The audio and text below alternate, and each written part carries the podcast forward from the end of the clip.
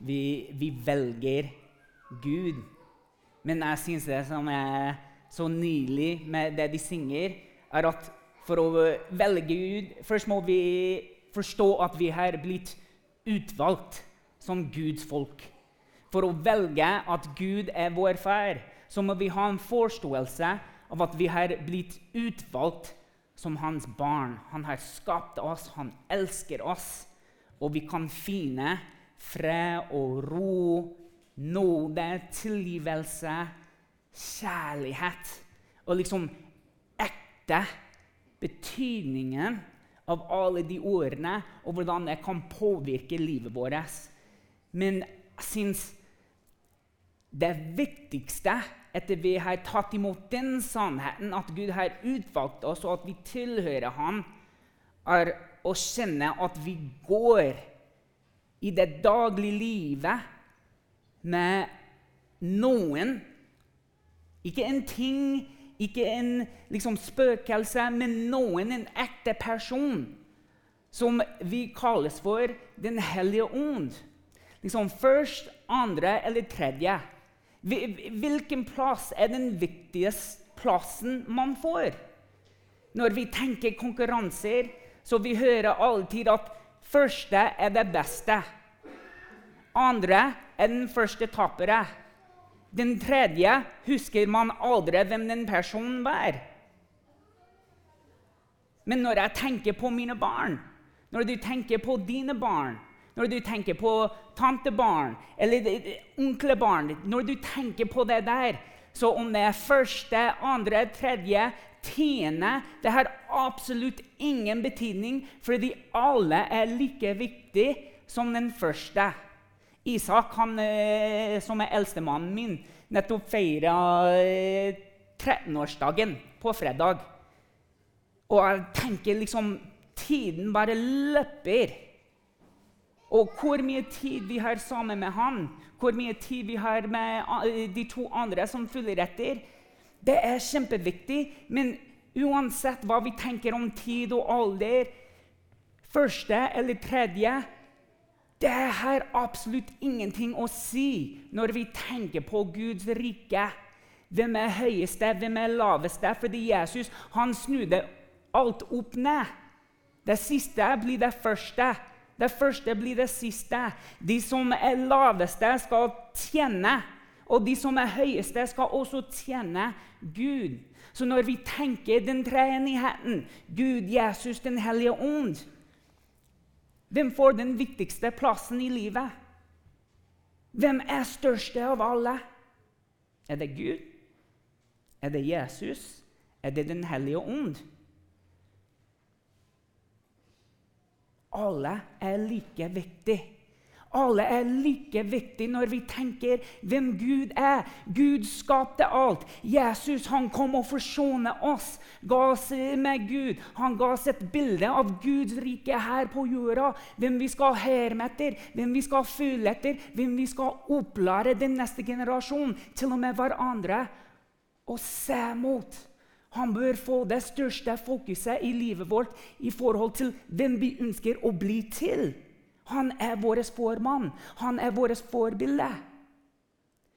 Men Den hellige ånd er den som veileder oss, er den som rådgiver oss, er han som går sammen med oss i hverdagen, slik at formannen og forbildet blir et ekte mål for oss, som er Jesus. Som vi ønsker å følge etter. Derfor kaller vi oss selv å bli kalt Jesu etterfølgere. Det ordet 'kristen' det har så mange forskjellige betydninger. Det har mange forskjellige eh, kroppsdeler. Men når man sier at det er Jesu etterfølger, det er krystallklart hva det må si og bety for hver og en av oss. Og Den hellige ånd, som sagt, en person. Han har ikke en bærrolle i livet. Han har ikke en bærrolle i Guds rike. Jeg hører ofte folk omtaler ånden som en den, som at Den hellige ånd er en ting. om vi tenker på eller mener at Den hellige ånd er mindre enn Jesus, eller ikke like viktig som Gud, så har vi faktisk eh, en svart, alvorlig misforståelse av åndens rolle i vårt liv. Dette kaller oss til et forhold med ånden i stedet for å tillate oss som å, å tro at vi kan behandle ånden som en ting eller en kraft som vi kan kontrollere og utnytte for våre egne ønsker. Den hellige ånd er en person som har personlig forhold til ikke bare troende, som vi har sett. Fordi Vi leser i Det nye testamentet, i Johannes 14, at Jesus han han er med oss. Den ånden er med oss. Den hellige ånd er en person. Og, og har et forhold med Faderen og Sønnen. Vi ser ånden arbeider sammen med Faderen og Sønnen flere ganger gjennom hele Skriften. Og Den hellige ånd, når vi leser i Apostlenes gjerninger 5, 3-4 Hvis du har Bibelen, så kan du slå opp i Bibelen. Vi har eh, litt eh, skjermproblemer her, så ha-ha-ha. Du må åpne mobilen eller Bibelen nå. Vi går til Apostlenes gjerninger. 5, 3-4.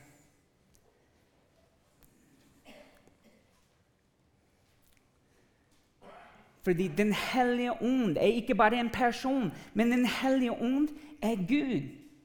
Det står her da Ananias hørte det, falt han, og han døde. Og alle som hørte det, ble grepet av stor frykt. Men hvorfor det?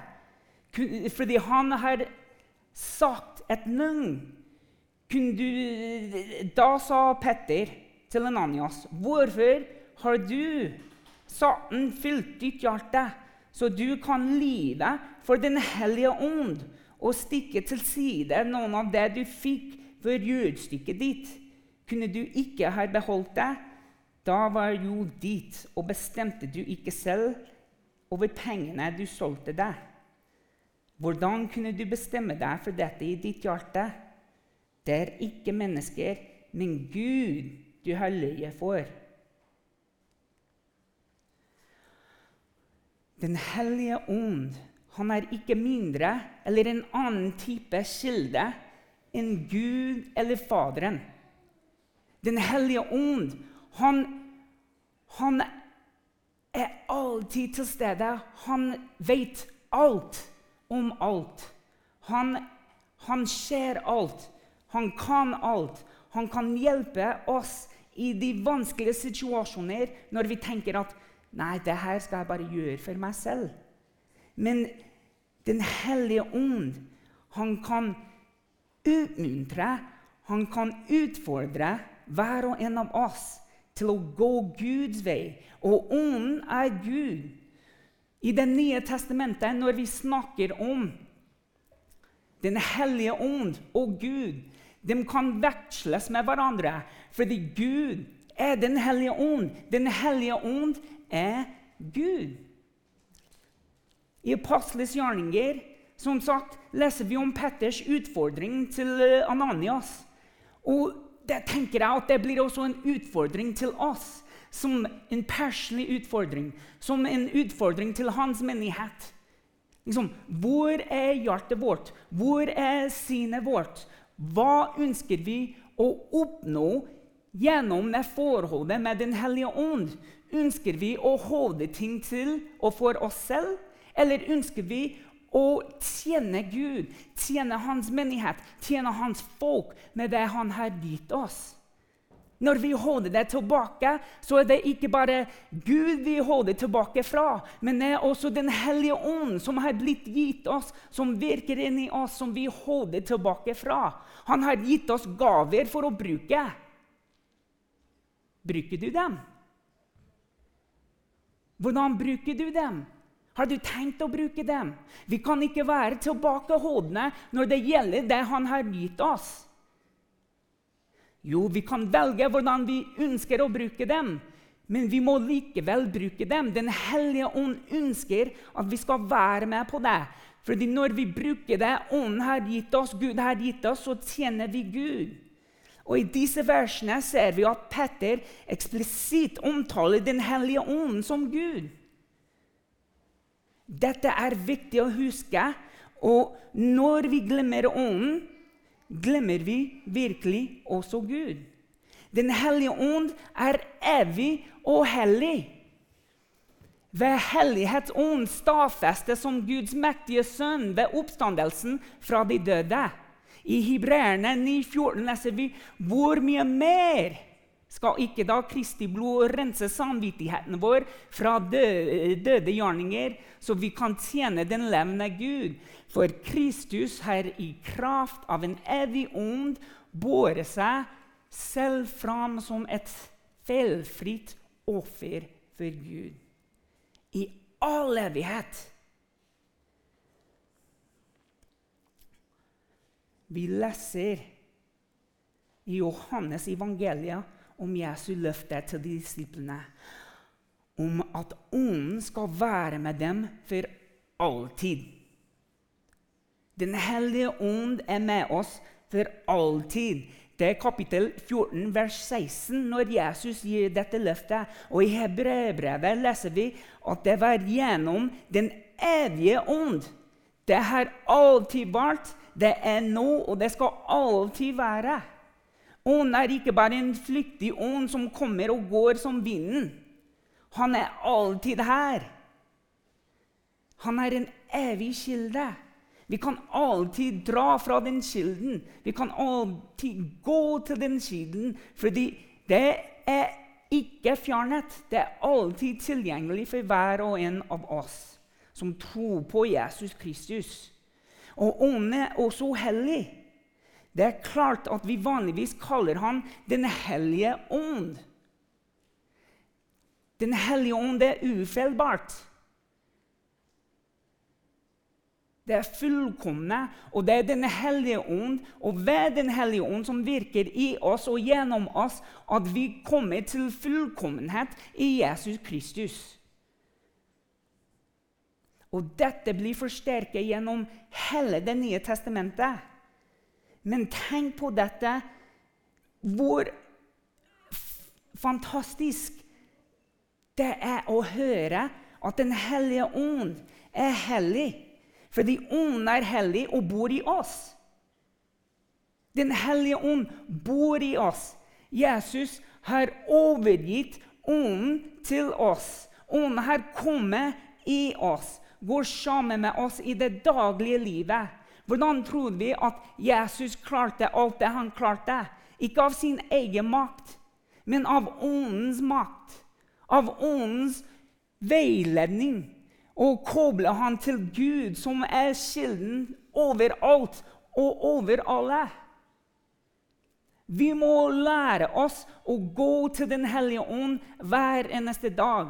Jesus er viktig. Han er forsoningen vår. Gud er faren vår. Men Den hellige ånd er her og nå og tilgjengelig hver dag for å veilede oss i Jesu gjerninger, kjærlighet, tilgivelse, nåde og tjeneste til Gud og andre mennesker.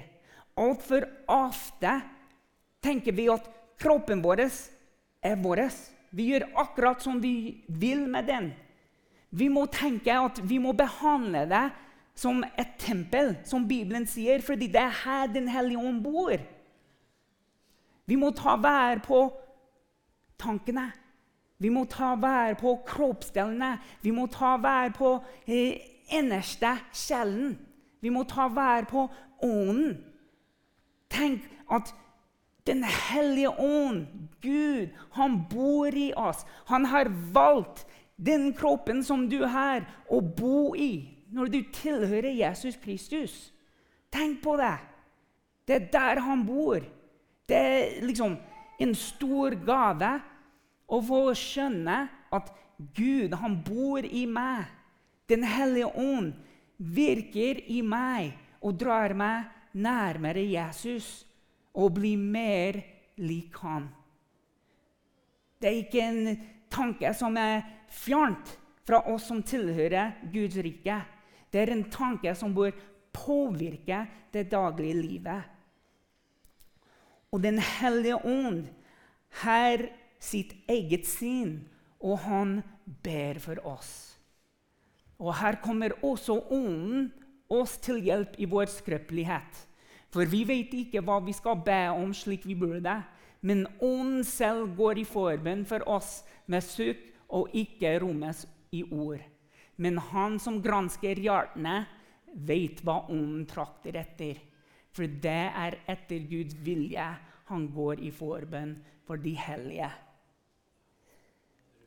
Jeg vet ikke om det er bare meg, men det er ofte at jeg går tom for ord når jeg ber.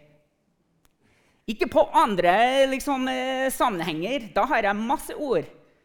Men når jeg går til bønn Jeg ber de Kanskje det er litt feil å si, men liksom de overfladiske ting. De ting som er synlige, kanskje til og med de tingene som jeg vet at jeg kan fortsatt styre og ha litt kontroll over. Vi kan kalle dem for triggerbønn. Men det er så viktig at vi prøver å gå dypere i bønn. Og få forstå hva det er Gud vil at vi skal be. Men noen ganger har vi ikke de ordene. Noen ganger har vi ikke den forståelsen om hva vi skal be. Og Den hellige ånd kommer og ber for oss når jeg tenker krig mellom Russland og Ukraina. Når jeg tenker krig i Israel nå. Når jeg tenker det som skjer i min egen familie, når det er opprør og vanskelige situasjoner. Når jeg tenker mine barn. Jeg ønsker at det skal være fred. Jeg ønsker at det skal være ro. Jeg ønsker at folk skal eh, venne seg til Jesus. Men er det alt som jeg skal be om? Jeg ønsker at ting i min familie skal ordne seg. Men er de akkurat ordene jeg skal bruke for å eh, liksom, åpne opp himmelen og la Guds eh, ånd komme ned og forandre alt? Det er ting jeg ønsker, ikke sant? Men den ånden, den hellige ånden Noen ganger tenker jeg at det er bare greit om jeg sitter her i stillhet. Fordi som det står der Gud vet hva ånden gransker etter. Jeg trenger noen ganger at Den hellige ånd skal granske livet mitt, skal granske tankene og hjertet mitt. Og jeg syns derfor er å be i tunger så, så viktig for oss mennesker. Det er den hemmelige språket der. Til og med jeg vet ikke hva jeg ber om, men Gud vet. Den hellige ånd ber i de situasjonene.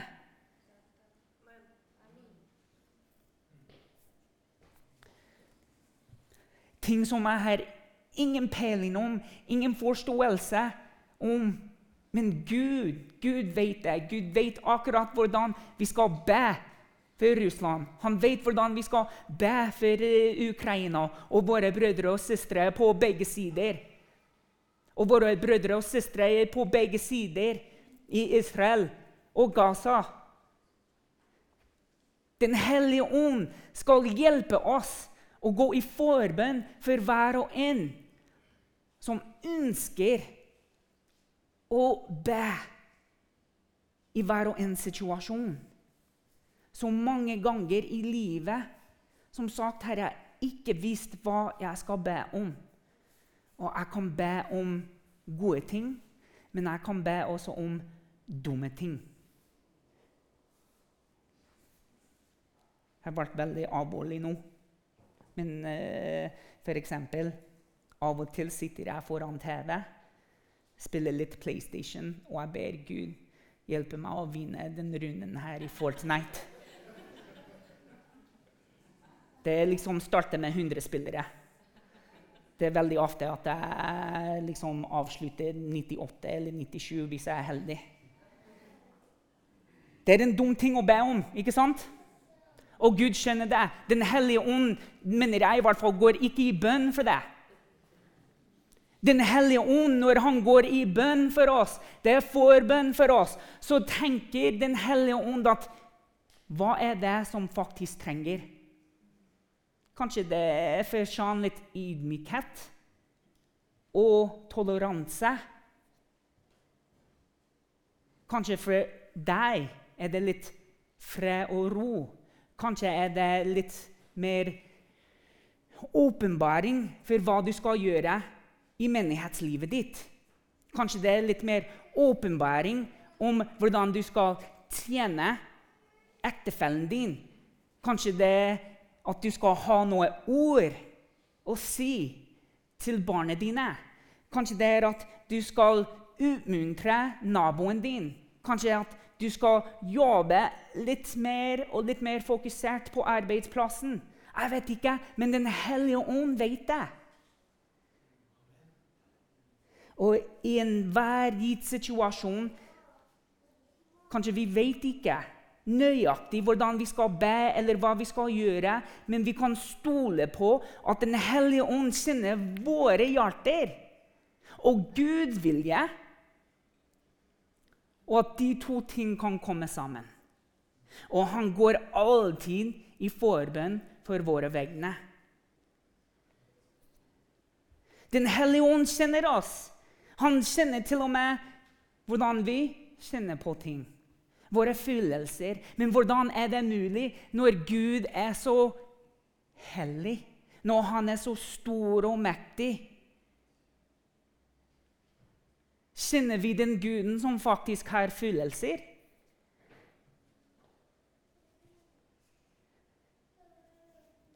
Vi, vi ser i Det gamle testamentet Gud han blir berørt. Han sørger, han blir sint, han elsker. Vi møter Jesus, som er også den samme. Han blir sint noen ganger, han blir irritert noen ganger. Han har stor kjærlighet, stor nåde, stor tilgivelse. Han blir lei seg. Så hvorfor skulle vi tro at Den hellige ånd er noen annen. Den hellige ånd har også følelser. Men de, de var gjenstridige og gjorde Hans hellige ånds sorg. Da skiftet han sin og ble deres fiende. Han selv stred mot dem. Her, her møtte vi en gud som, som Vet du hva? Du, du har gjort Den hellige ånds sorg. Du har gjort meg sorg. Nå, nå, er vi i strid med hverandre. Og når vi er i strid Det er akkurat som vi snakker om Den hellige ånd som en person. Om vi som mennesker er i strid med hverandre. Det vil bety akkurat det samme. Vi går mot hverandre. Den hellige ånd er så ekte. At han har akkurat de samme fillelser som oss. Vi leser det i Feserene 4. Og gjør ikke Guds hellige sorg, han som dere har fått som en segl til forløsningsdag. Ikke sørge Den hellige ånd. Gud skapte fullelser. Ofte så snakker vi om at ja, følelser de er helt greit å ha. Alle bør kjenne på de følelsene de har. Men de følelsene kan ikke styre livet. De kan ikke styre hvem Gud har skapt deg til å bli. Fyllelsene styrer ikke Gud. Fyllelsene styrte ikke Jesus. Fyllelsene styrer ikke Den hellige ånd. Den hellige ånd bærer oss gjennom alle de sterke, virkelige følelsene som vi har. Men Den hellige ånd vil ikke la de følelsene styre deg bort fra Gud. Den hellige ånd er til stede for å dra deg nærmere Gud og søke Han. Jeg tror at hvis vi virkelig bryr oss Den hellige ånds sorg, når vi går imot, når vi gjør noe dumt, når vi sier noe som er i strid med Guds ord, eller det Gud virkelig vil for livet vårt Hvis vi virkelig bryr oss om Den hellige ånds sorg, ville det vært på en måte liksom en splittelse inni oss. Fordi vi vet det er der den ånd bor, og vi opplever det sånn. I hvert fall som jeg har opplevd det når jeg gjør ting som går imot Gud. Det, jeg kjenner det inni meg. Det, nei, den avgjørelsen var ikke riktig. De ordene jeg har sagt, var ikke riktig. Den ånden har kalt meg til å gå inn vei, så har jeg gått to steg bakover.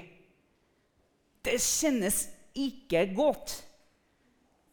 Og den følelsen du opplever, en virkelighet at Den hellige ånd det er en bekreftelse at Den hellige ånd er med deg og kaller deg tilbake til Guds nærvær. Og Den hellige ånd det har sine egne ønsker og vilje. Alt dette virker den ene og samme ånd, som deler ut til hver enkelt etter som han vil. Tidligere i det kapitlet her så er det Paulus som forteller om åndens gaver.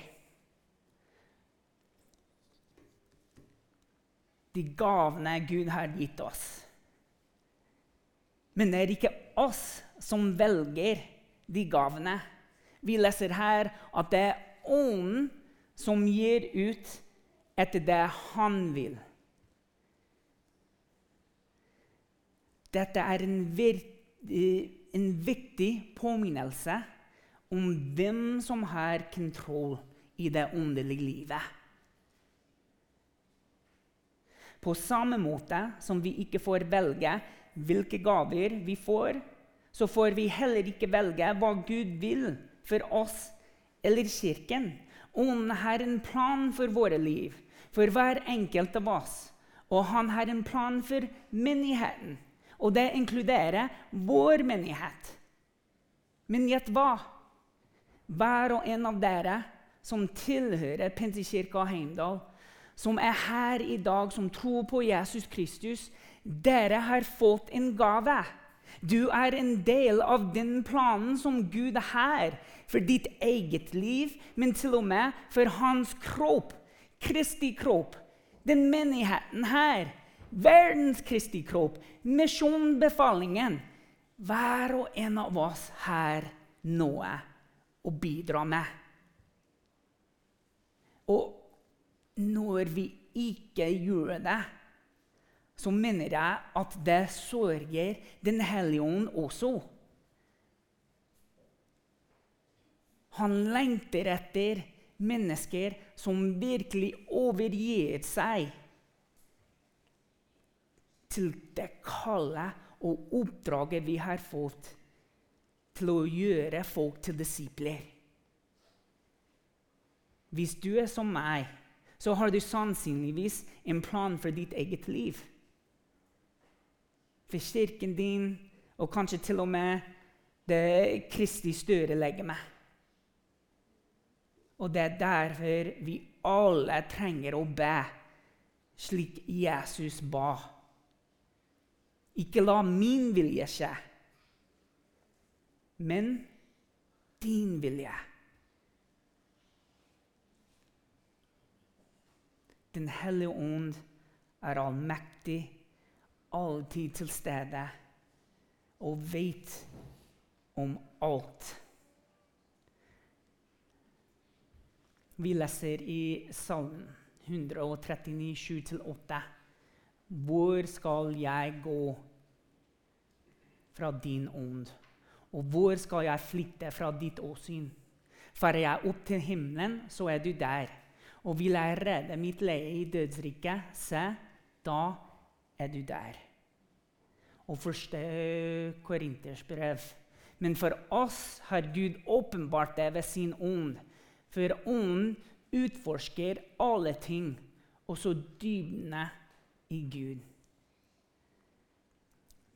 Her er noen egenskaper av Den hellige ånd som vi vil aldri forstå alt om. Jeg tror det er ikke ment at vi skal forstå alt om Gud, alt om Jesus, alt om Den hellige ånd og Guds rike. Derfor kaller Paulus det for et mysterium. Men ved forsoningen vi har fått av Jesu blod, det livet vi har fått i oppstandelsen, og Den hellige ånd som vi tar imot når vi kaller oss Guds barn og etterfyllere av Jesus, så får vi en åpenbaring av hva det livet gjelder. Og selv om vi vil aldri være i stand eller helt forstå disse egenskapene som Den hellige ånd her, og hvorfor han deler ut de gavene han deler ut til de han deler ut til. Eller hver gang vi skal bruke dem, og når vi skal bruke dem. Men Den hellige ånd i sine egenskaper hjelper oss til å forstå at vi tilhører, at vi skal handle i navnet Jesus. Og at vi skal handle med de gavene som vi har blitt gitt. Vi må ikke tenke at Gud er viktigste i alt det her. Vi kan ikke tro at det er bare Jesus som får plass i livet vårt. Eller at den viktigste er Den hellige ånd. Fordi alle tilhører samme familien. Alle tilhører hverandre. Alle er den andre. Her er et stort konsept. Men likevel, om det er første, andre eller tredje plassen Alle er like viktig.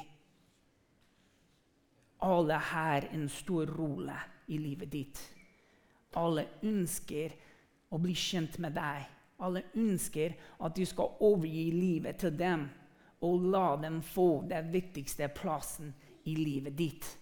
Og det er alltid den første plassen. Amen. Vi skal reise oss opp. Joakim skal lede oss i noen lovsang nå. Hvis du er her i dag og du ikke har gitt livet ditt til Jesus, men i dag er den dagen så ønsker vi å hjelpe deg å ta det steget videre og akseptere Jesus i livet. Så hvis du er her i dag, og det er, det er deg Så etter vi er ferdig her, så bare kom og snakk med meg. Jeg ønsker å be sammen med deg, ønsker å hjelpe deg videre i det valget du tar når du tar imot Jesus. Hvis du er her i dag og du, du har ikke tenkt så mye om Den hellige ånd i livet ditt Og i dag så tenker jeg ja, nå ønsker jeg å kjenne Den hellige ånd mer. Så bare kom frem. Vi ber. Det er andre som skal komme frem. Det er ikke bare meg som du må komme til. Hvis du er her i dag og du har lyst til å be for andre mennesker, bare kom frem. Vi skal ha forskjellige folk foran her som legger hendene på deg og ber for deg. Her er vi en familie. Vi er ikke en perfekt familie, men vi er en familie som står sammen. Som ber sammen. Som ber Den hellige ånd å veilede oss i dette livet fremover. Gud, vi takker deg for at du har sendt Jesus som et forbilde for oss, som et eksempel for oss om hvordan vi skal leve livet, hvem vi skal følge etter. Men mest Gud, vi takker deg for at du har sendt Jesus for å forsone oss med deg. Jesus, vi takker deg for at du har utøst din ånd over alle som tror på deg. Har gitt Den hellige ånd til oss, som kan veilede oss, som kan hjelpe oss i det daglige livet.